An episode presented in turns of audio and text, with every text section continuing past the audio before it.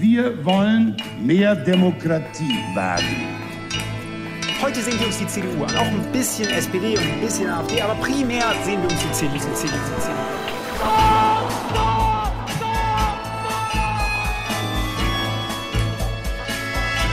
Niemand hat die Absicht, eine Mauer zu errichten. Ich weiß, ich habe heute Morgen in den Spiegel geguckt und dachte, wer ist denn die Hotte Bitch? Werden schon in wenigen Jahren blühende Landschaften, blühende Landschaften geworden sein. Früher waren wir Lametta. Wir haben so vieles geschafft, wir schaffen das. Hallo, Ingrid. Hallöchen, Kai. Velkommen til Tyskerne, episode 105. Vi har sett film, nemlig en tysk science fiction-komedie som er aktuell på kino i Norge. Den skal vi prate om. Så tar vi en titt på tysk politikk, hvor flere partier prøver å danne regjering etter valget. Og vi ser på Østerrike, hvor man nesten måtte danne ny regjering, hadde ikke kansler Sebastian Kurz trukket seg. Så det er mye som skjer, men aller først, hvor er du i verden, Ingrid?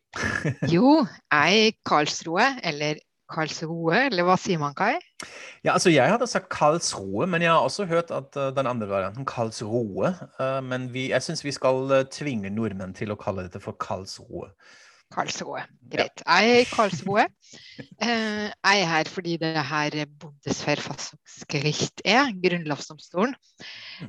og jeg hadde bare så veldig lyst til å se hvordan den virker. Så jeg klarte å skaffe meg sånn presseakkreditering for å se en eh, sak som da har gått i to dager denne uka. Og eh, det er jo Bundesverfassungsgericht det er jo også en veldig vakker eh, bygning. Som jeg da så frem til, og så oppdaga jeg til min store skuffelse at nei, pga. korona, men også pga. at dette er en sak med veldig mange folk som deltar, og stor presseinteresse, så var det sannelig på eh, messe, eh, messa i Karlsroe, som ligger 40 eh, minutter utafor Eller den ligger egentlig i Reinstetten, så det er ikke engang i Karlsroe. Um, nå vet jeg ikke helt om jeg sier byen sånn som jeg skulle, men jeg bare fortsetter å kjøre på på mitt trønderske her.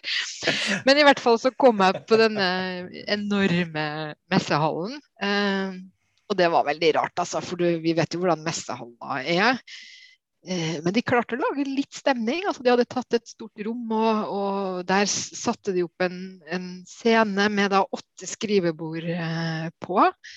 Og så kommer disse her eh, rødkledde dommerne eh, marsjerende inn mens vi alle står. De marsjerer ikke, de vandrer. Det var veldig lang avstand de måtte vandre også, vandrende inn mens vi alle må stå. Og så går de opp til hvert sitt skrivebord, så tar, seg, tar, de av seg den røde, rare hatten og tar av seg munnbindet og setter seg. Og så kan vi sette oss. Og det var stemningsfullt, altså.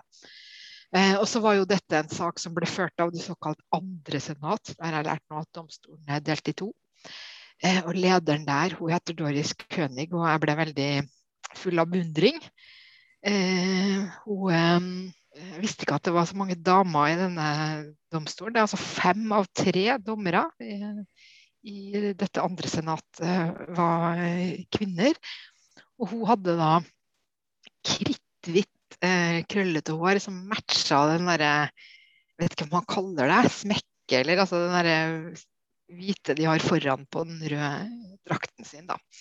Så det var mye som var stemningsfullt.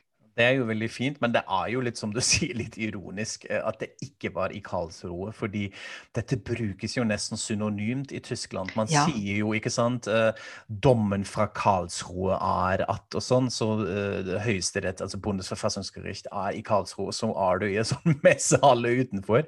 Men jeg så jo på bildet, og jeg var allikevel litt imponert. altså Du snakker jo allerede om denne scenen, men de hadde også en sånn bakteppe med lyssetting på på backdrop. så det var litt lys og stemning og sånn, så det virker jo litt fancy da allikevel. Men hva handlet saken om? Jo, eh, jeg skal prøve å, å eh, forklare. Eh, det som hadde skjedd, var at i 2018 så eh, bestemte forbundsdagen at de skulle forhøye eh, summen som partier får av staten. Eh, og det skjedde med stemmene til CDO, CSO og SPD, altså de partiene som da satt i regjering. Og alle de andre partiene var imot. Sånn at det prinsipielle her er er det riktig av de store partiene å på en måte vedta en form for selvbetjening av staten. Altså det er jo de som, største partiene som også får mest gevinst av denne ordninga. Så derfor eh, både altså AFD har sin egen klage, og så har de andre eh, opposisjonspartiene sin egen eh, klage. Så det er på en måte to klager mot det samme som de behandler, og de klagene er litt forskjellige. og sånt da. Så Det er viktig og prinsipielt, og det er jo derfor det, det, er jo ikke sånn at hvis du klager, så får du saken din opp her. Det skal veldig mye til. Så Det er jo fordi det er interessant for denne retten å se nærmere på, på det. Eh, og Saken varer i to dager, og jeg hadde jo tenkt kanskje jeg skulle være der i to dager. Men det som også skjedde, det var jo det at jeg forsto at dette skjønner jeg ikke noe av. fordi det er jo ikke som en vanlig rettssak hvor man kanskje legger litt vekt på at eh, vanlige folk skal forstå det. eller noe sånt. Dette er jo jurister og virkelig eksperter som argumenterer mot hverandre foran disse eh, dommerne som har ekstrem spisskompetanse. ikke sant? Eh, i, I det ypperste av lovtolkning, da. Mm, det er klart at uh, Dette handler nok litt, kanskje bitte litt om tysken min, men det handler mye mer om at de bruker juridisk uh, fagspråk. Og også at når du ikke kan disse lovene, så er det jo ikke uh, så spennende å sitte og høre på, selv om man er interessert i resultatet. Ja, nei, De driver jo med en slags metajuss, absolutt, og det ja. gjør det kanskje enda mer komplisert. Men så du noen kjente folk, da? Ja, altså det er jo fint da, å være opptatt av disse tingene så man kan bli starstruck av de utroligste. Og jeg passerte altså ti centimeter forbi Markus, Markus Blome, som eh, kanskje ikke alle vet hvem er, men som er generalsekretær i CSO. Og som Vi er sikkert like høy som Markus Søder. Så det syns jeg var stas. Og så oppdaga jeg i morges på eh, hotellet mitt at der satt Petra Pau og spiste frokost. Petra Pau er da fra De Linke, og hun har vært sånn um, visepresident i forbundsdagen nå i denne uh, perioden. da. Mm. Snakker du med henne? Turte du, eller lot du henne i fred? Nei, jeg må innrømme at jeg tenkte på det. Jeg, veldig, jeg har egentlig veldig lyst til å be om et uh, intervju uh, til boka mi, men jeg, så satt jeg der og tenkte da, hvordan for jeg ikke fremstå som en gal vakker. Hvis du liksom går bort til politikere mens de spiser frokost, og hva skal jeg si? Og så tenkte jeg nei, stakkars menneske, hun er jo ute av sin egen delstat og syns sikkert det er deilig å få være i fred. Og, ja. Nei, så jeg gjorde ikke det. Jeg får heller sende noen e-post. Tror det var lurt å, å ja, det var nok lurt. Ok, Så du er altså i Karlsruhe, men det er jo mye annet som skjer uh, i Tyskland. Og jeg føler at vi trenger en liten runde med oppdateringer, og dette er jo en jobb for deg, Ingrid. Hvordan går det f.eks. med denne trafikklys-ampelkoalisjonen i Tyskland? Hva skjer? Jo, altså det som skjer er jo at uh, Eh, disse tre ampelpartiene, som altså er Fridemokratene gul, eh, Sosialdemokratene rød og De grønne grønn, eh, de eh, driver nå med sine sonderinger. Og de har jo gått fra førsonderinger til sonderinger. Eh, og akkurat nå så er Scholz i USA som finansminister, altså han som da i tilfelle skal bli kansler for det hele hvis de blir i regjering. Så akkurat nå så foregår det mer sånne små, små, eh, små runder. Eh, men det, man venter at det kommer en slags avgjørelse eh, for om det blir koalisjonsforhandlinger eller ikke i løpet av veldig kort tid nå. Mm.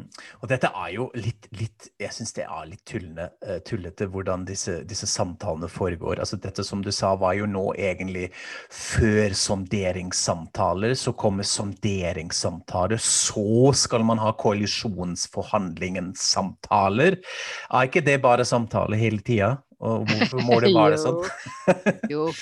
Ja, altså dette kan man jo le, le av, altså. Men forskjellen er i hvert fall at mens de holdt på med disse førsonderingene, eh, så snakka alle med alle. Så da var også CDO, CSO inne i bildet. Eh, tilfelle man heller ville ha Jamaica, ikke sant. Og så snakk, også Det som også skjedde, var jo at det ble lekkasjer fra disse eh, samtalene mellom CDO, CSO og, eh, og FTP først, og så med De grønne etterpå. Og av mange andre grunner også så ble det litt lagt på is. Og da var liksom førsonderingene ferdig, for da var det bare én koalisjon igjen eh, som snakka med hverandre. Da ble det sonderinger. Og så sonderer de nå da for å finne ut om de har nok til felles for å gå i reelle regjeringsforhandlinger. Og altså, jeg tror man tenker som så at det er noe med at hvis det blir brudd nå, så har det ikke skjedd så veldig alvorlig. Mm. Men hvis de sitter, har sittet og koalisjonsforhandla i lengre tid, da er det veldig alvorlig. Det var jo det ja. som skjedde i 2017. ikke sant? At man ja brøt koalisjonsforhandlinga etter veldig lang tid, og det tar seg jo ikke ut. Nei, det er sant, så det er en slags filtrering, at man først velger ut hvem man skal snakke med, og så uh, sier du jo også kanskje litt om dramaturgien i den politiske ja. kommunikasjonen. Så det var et bra svar, jeg aksepterer ja. dette. Nei, men det var fint. Ja. ja. Nei, og så uh, er det jo også sånn at uh, det er ganske lite altså De lekkasjene som har kommet, kom jo fra de andre samtalene med CDO, mens fra de disse tre partiene, FDP, De Grønne og SPD, som snakker sammen mer på alvor, så har det jo knapt kommet noen lekkasjer. Og de har heller ikke kommentert det noe særlig selv, så vi vet jo ikke så mye om hva som foregår. Eh, men, men, det skrives jo og snakkes fryktelig mye om det likevel. Hva er lett og hva er vanskelig. og Noe som har kommet fram at kan bli utrolig lett, det er jo å legalisere cannabis. Det kommer jo litt overraskende på meg, må jeg si, men det viser seg at alle disse tre partiene eh, ser ut til å ønske det. Ja, og jeg hørte faktisk på uh, eh, SPD-politikeren Karl Lauterbach i morges på radio. Han har jo blitt en, kanskje noen av de mest kjente politikere under korona, fordi han er også virolog og lege. Og han uttalte, uh, uttalte, seg om nettopp det. Han sa at han nå også er enig i legalisering av cannabis, uh, fordi det har vært så mange tilfeller av sånn skitten cannabis som blir solgt, hvor de oppdager at det er heroin som har blandet inn i cannabis og gjør folk avhengig. så at de heller vil at staten kommer på banen og sørger for at det selges ren cannabis. Så det han har kommet frem. Så det, ja, som du sier, her er alle enig. Spennende.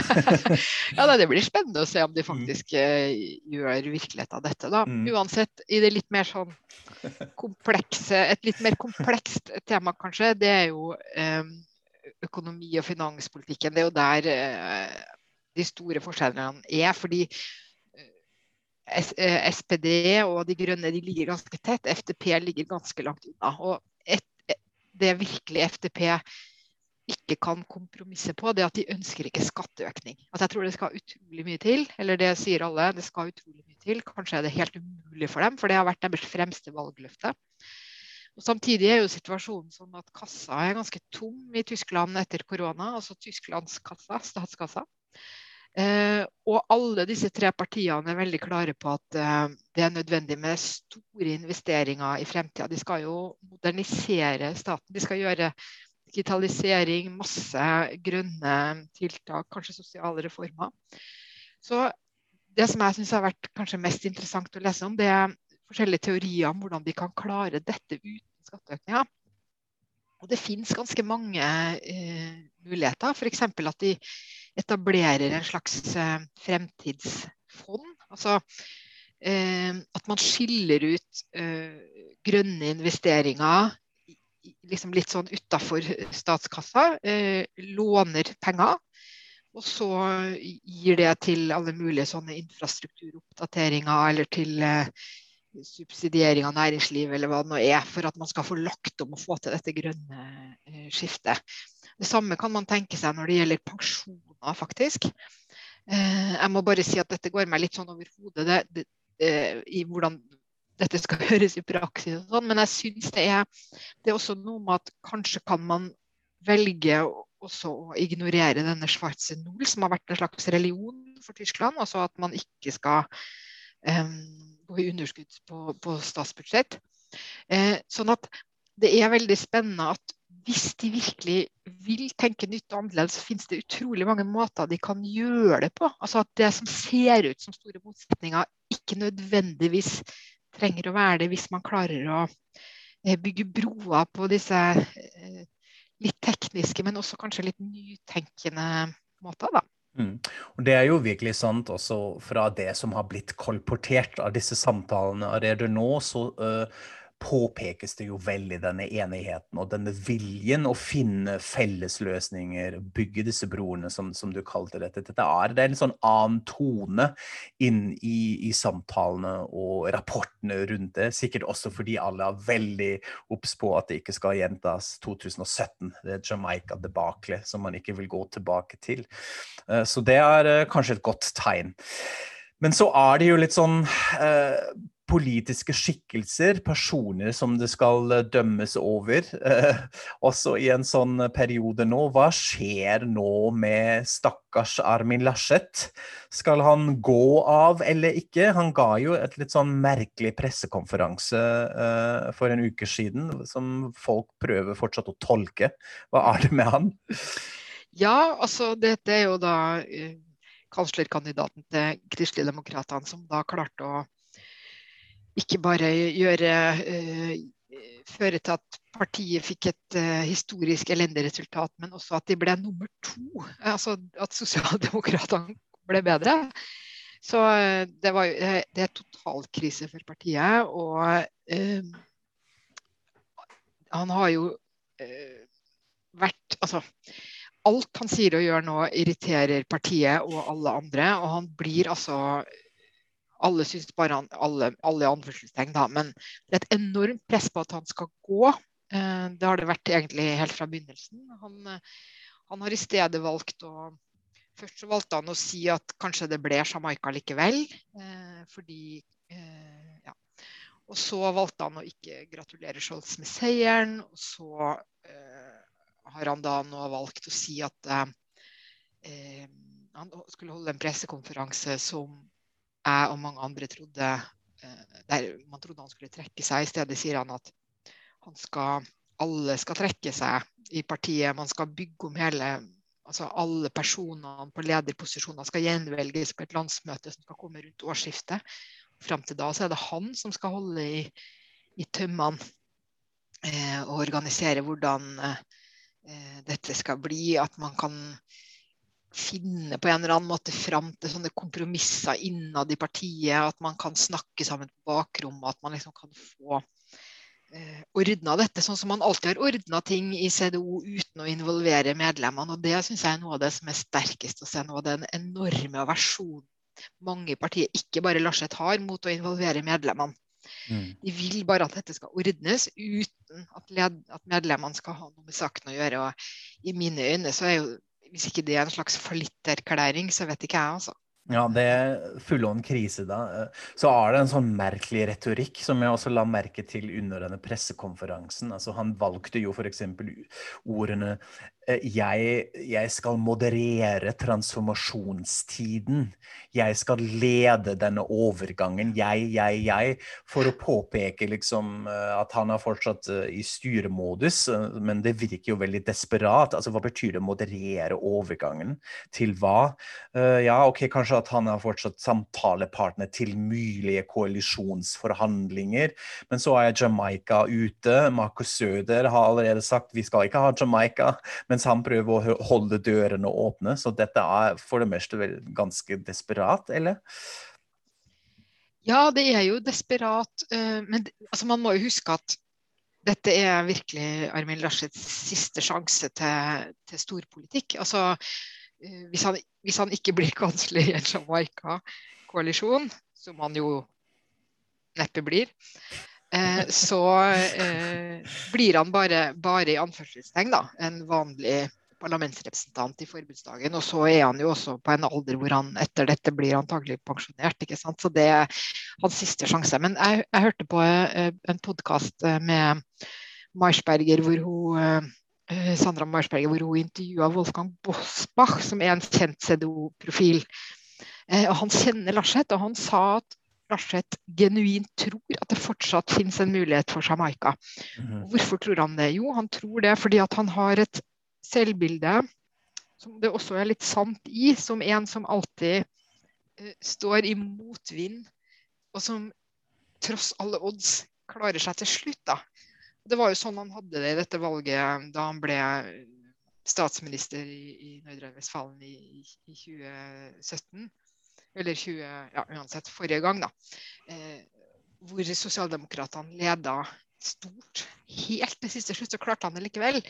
Så han tror faktisk at det fortsatt kan bli eh, Jamaica. Men det som er veldig corny, er at det er jo ingen andre som tror det. Og heller ikke hans eget parti. Partiet er et helt annet sted. Man er i oppløsning. Eh, og et tegn på elendigheten og fortvilelsen er f.eks. At nå har to ministre har nå trukket seg fra forbundsdagen. altså De har blitt valgt inn i forbundsdagen i nye perioder. og så har de sagt at de vil ikke ha de posisjonene. Det er altså Altmaier næringsminister og, og Karen Bauer forsvarsminister. Og, og, de har trukket seg fordi de sier at partiet trenger yngre krefter og flere kvinner. Altså det sitter en fraksjon der nå som er så gammel, også fordi den ble så mye mindre sant, enn man hadde tenkt.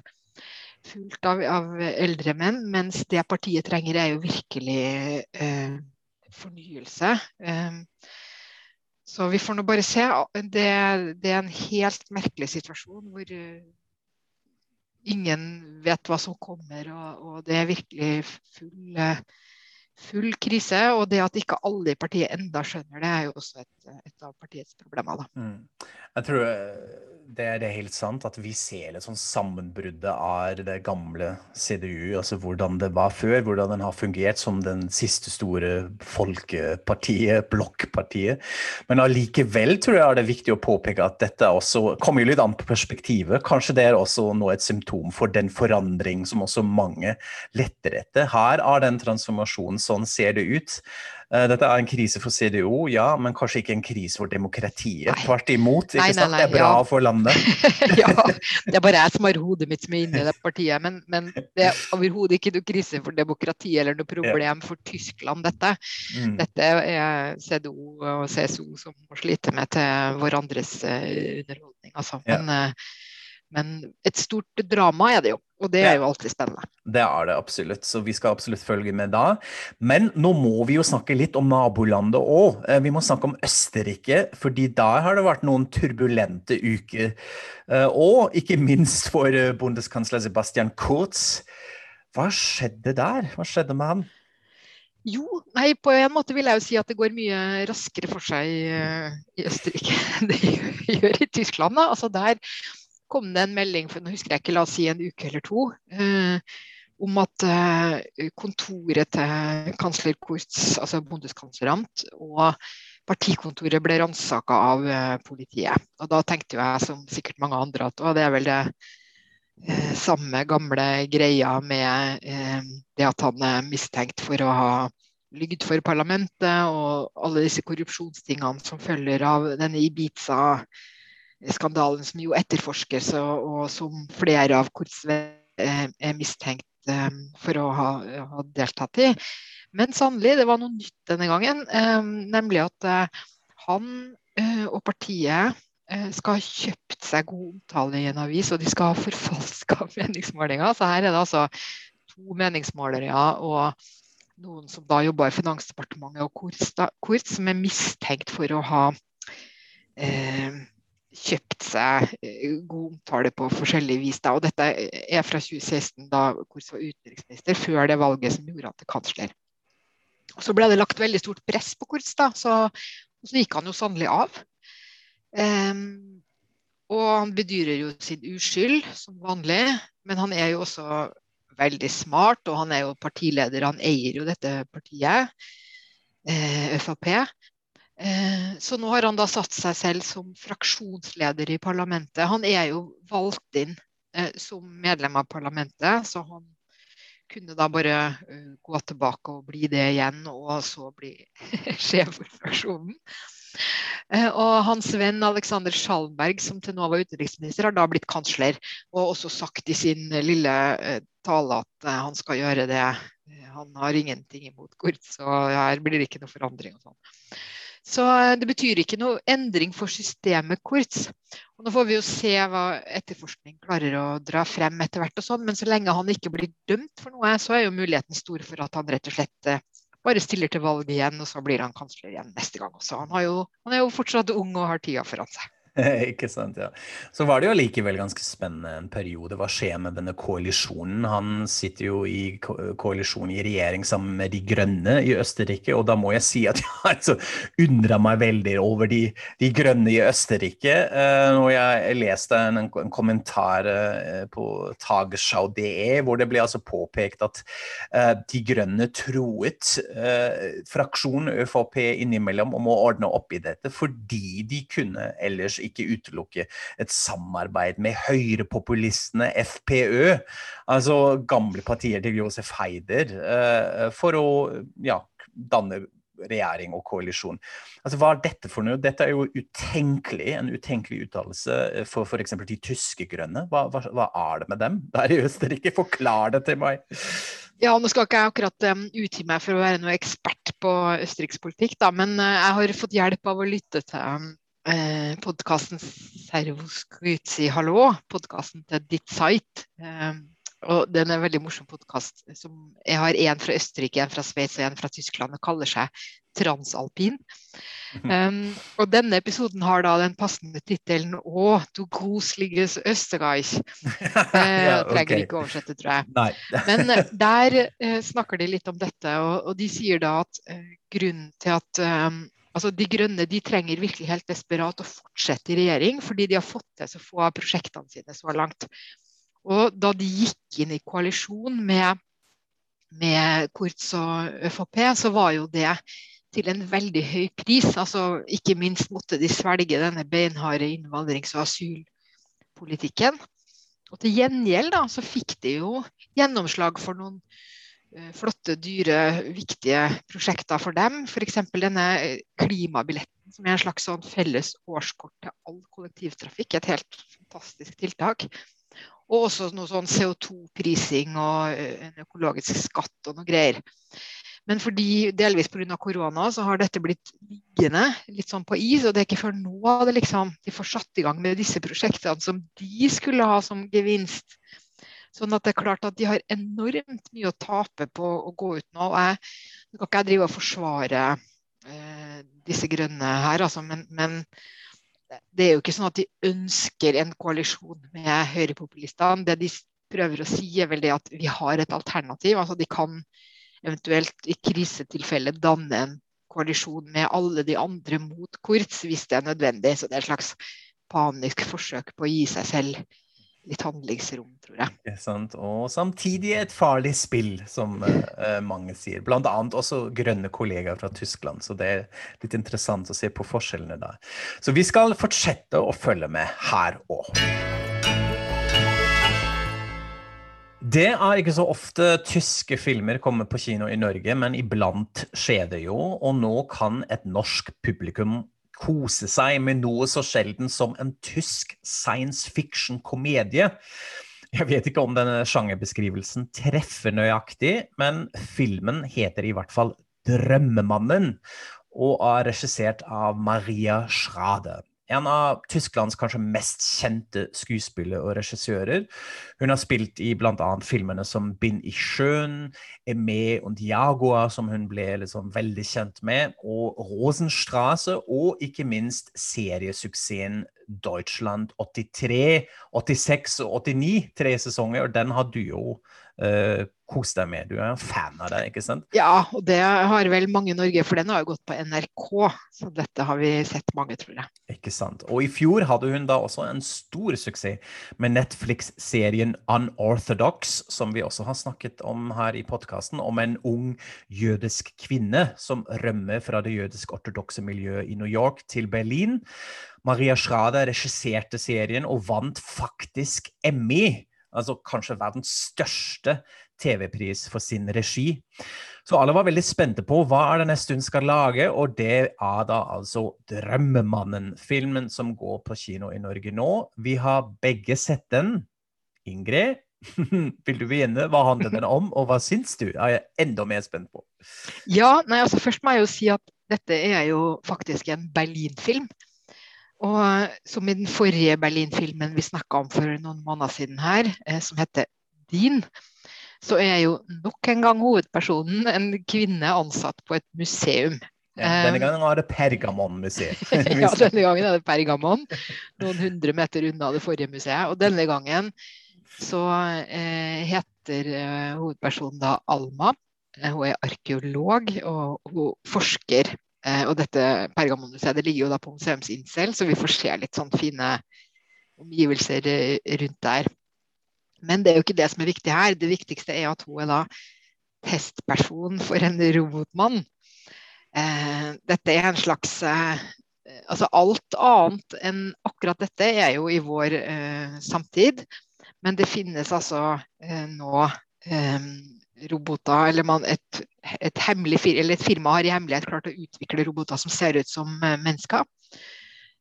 og hun skal da teste denne mannen i tre uker og skrive en evaluering. Og han er jo da lagd for å gjøre akkurat hun. Altså han har fått tilgang til hennes eh, smak og preferanser på et eller annet slags vis. Um, og så eh, skal vi se hvordan, får vi liksom se hvordan dette går, da. Og jeg må si at jeg likte filmen ordentlig godt. Og først så lo jeg ganske mye, og så ble jeg vel litt trist. Hmm, ok, Spennende. Det har jeg lyst til å høre mer om. Men først skal vi kanskje høre på et lite klipp. Det er jo fint å få et sånn inntrykk. Her snakker altså robotmannen som heter Tom, sammen med Alma, eh, og er egentlig litt kritisk mot henne, fordi hun har ikke noe særlig mottagelig for alle de forsøkene å sjarmere henne osv. Så, videre, og så, videre. så er det litt robotkrangling med Alma. Es würde dir besser gehen, wenn du netter zu mir wärst, wenn du dich öffnen würdest. Du wärst glücklicher. Und dann? Dann wärst du glücklicher. Endorphine, erhöhter Serotoninspiegel, Dopaminausschüttung. Yippie. Alle Menschen wollen glücklich sein. Tja. Mach dir nichts draus, wenn dein Algorithmus da an seine Grenzen stößt. Ja, og her hører man jo kanskje at uh, Tom, roboten, har en sånn lite aksent, en britisk aksent. Og det er uh, for det første fordi han ble spilt av Dan Stevens, skuespilleren som mange kjenner fra Downton Abbey. Han spilte Matthew Crawley der. Og i filmen er det altså en slags ja, nesten en sånn slags metagag, fordi uh, noen av de preferansene som hun har, er å være Uh, å ha en eksotisk mann. En litt sånn fascinasjon for det eksotiske som har nå representeres uh, via en briter. uh, som er altså noe som er fremmet, men ikke så superfremmet, som ja, ble sagt i filmen. det var veldig bra. Ja. ja. det er litt morsomt. Så antageligvis mener man i Tyskland at britene er fremmed, men ikke så fremmed. så derfor har han litt aksent her i serien. Men du, du ble trist. Hvorfor det? Hva var det? Nei, det er jo noe med det at uh, mye av um, filmen handler jo om uh, en lengsel etter uh, å, å, ha en kjæreste eller å være nær folk, da. Og denne Alma, hun har jo Det er jo ikke lenge siden hun var i et forhold um, Vi møter jo eksen. og det virker som hun egentlig har gitt litt sånn og bare lever alene og har jo denne jobben og sånn. Og så har hun en uh, far som ikke er riktig god. Um, og jeg er litt sånn lengtende, uh, men desillusjonert, kanskje.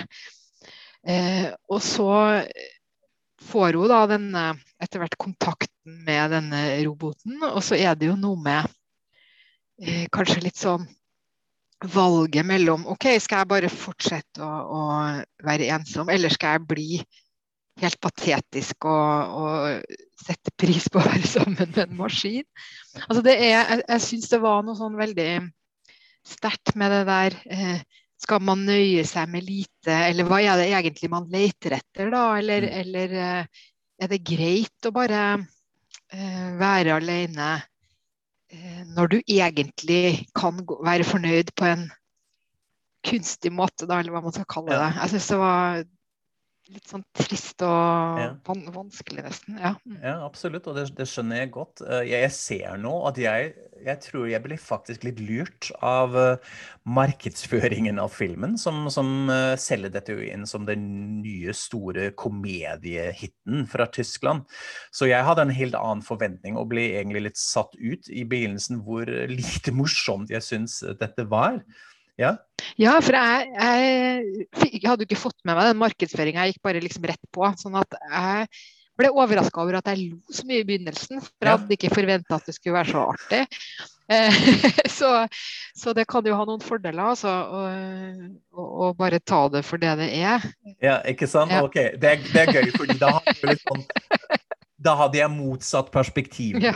Jeg syns faktisk at det var ganske dårlig i de første litt sånn 25-30 minuttene, hvor jeg tenkte altså hva slags uh, rar skuespill er det her, og hva slags uh, nå sier jeg det litt stygt, sånn kvinnebladmanus uh, må vi lide oss gjennom, før jeg begynte å skjønne ok, her er det en litt sånn annen tonalitet, det er litt sånn sjangermiks, og så er det noe mye dypere og mer filosofisk som ligger under, så jeg begynte jo både å le og også da å sette mer pris på, på budskapet på en måte, og også da for fremstillingen av dette. Så må jeg si at jeg, at jeg syns at den tyske tittelen er egentlig litt bedre enn 'Drømmemannen' på norsk. Den heter 'Ich bin dein Mensch' ja, på tysk. Mye finere. Mm. Mye finere, fordi det er det det handler om, vil jeg si. Den setter fokus på noe litt annet i budskapet der og i historien, nemlig ja, hva er det egentlig som gjør oss menneskelige, ikke sant? Altså en slags sånn meditasjon om det, og også kanskje dette sånn perfeksjonsidealet som påvirker oss jo i, på alle mulige områder i hverdagslivet våre, på jobb, uh, i vår egen eksistens, på sosiale medier osv. videre Og, og også i kunsten. Dette er jo en slags rød tråd som går gjennom kunsthistorie. Litt sånn fremstilling av det ideale mennesket. Hva betyr det egentlig? Så har jeg også filmen noe å bidra med. Og så syns jeg at den slutten, som du også antyder litt, um, ble ganske bra, og også ja, litt rørende kanskje, fordi da er det jo en sånn slags fasit at ja, nesten en lengsel etter det perfekte av egentlig det som utgjør oss som menneske og menneskelig. Og også som et menneske i romantiske forhold, ikke sant? Mer enn det å faktisk ville møte den perfekte partneren. Uh, det, er, det, er, noe mer interessant med både sånn melankolsk og også uh, med en slags spenning, og ikke møte den, men å, lengte etter den. ja, men Det var fint sagt. Da er det kanskje ikke mm. så farlig å være alene da, likevel? Nei, ab absolutt ikke. Fordi vi, ja, vi, har, vi kjenner alle til den, uh, til den lengselen. Og så er det jo et sånn vri også litt på science fiction-sjangeren. ikke sant? Altså Hva man gjør med disse androider og robotene og sånt.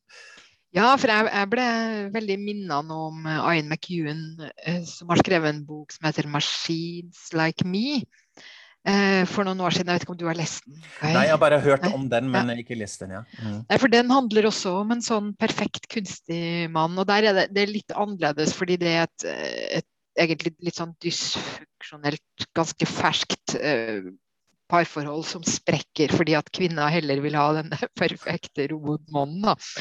Eh, men dette det er jo et sånt urgammelt tema i, i science fiction-litteraturen. Jeg, er jo gammel science fiction-elsker og har jo lest om dette i utallige varianter opp igjennom. Og Blade Runner er jo en sånn klassiker. Men jeg, jeg, jeg nevner McEwan fordi at jeg syns både både hans bok og denne filmen er litt eh, veldig sånn klart eksempel på at både at temaet for lengst er inne i, i mainstream, men, men, også at det ikke bare handler om, om eh, disse perfekte menneskene som en slags trussel, eh, men at det er litt mer sånn tvetydig. Da. Og det er jo kjempespennende. Absolutt, og jeg er helt enig i det. Og da har også filmen et poeng, og jeg tror da speiler filmen også uh, vår tid mye bedre nå. Vi er så mye mer vant til en sånn eksistens på sosiale medier, og hvordan det daglige livet vårt er styrt av algoritmer og sånn, på godt og vondt, ikke sant? Så det er ikke bare noe som vi utelukket opplever som en trussel, men det er også noen muligheter inni det. Men allikevel gjør det fasiten til filmer da kanskje enda mer sånn sukk-romantisk at man da erkjenner dette her. Det er en perfeksjon her som er fake. Uh, og, og, dermed ikke, ikke virkelig. uh, sånn sett. Så, så, dette her er en tydelig anbefaling fra oss, ikke sant? Ja, det er det jo, og kanskje blir det også Oscar. Det er i hvert fall uh, Tysklands Oscar-kandidat i år, i denne filmen. Mm, spennende. ja. Så dere må gå på kino og finne ut selv om dere syns at den er like bra. Fortell oss uh, om dere likte den uh, eller ikke. Da runder vi av. Det var det vi hadde. Uh, følg oss på Facebook, på Instagram, eller støtt oss gjerne på Patrion. Så sier vi bis bald und auf Wiederhören. Auf Wiederhören.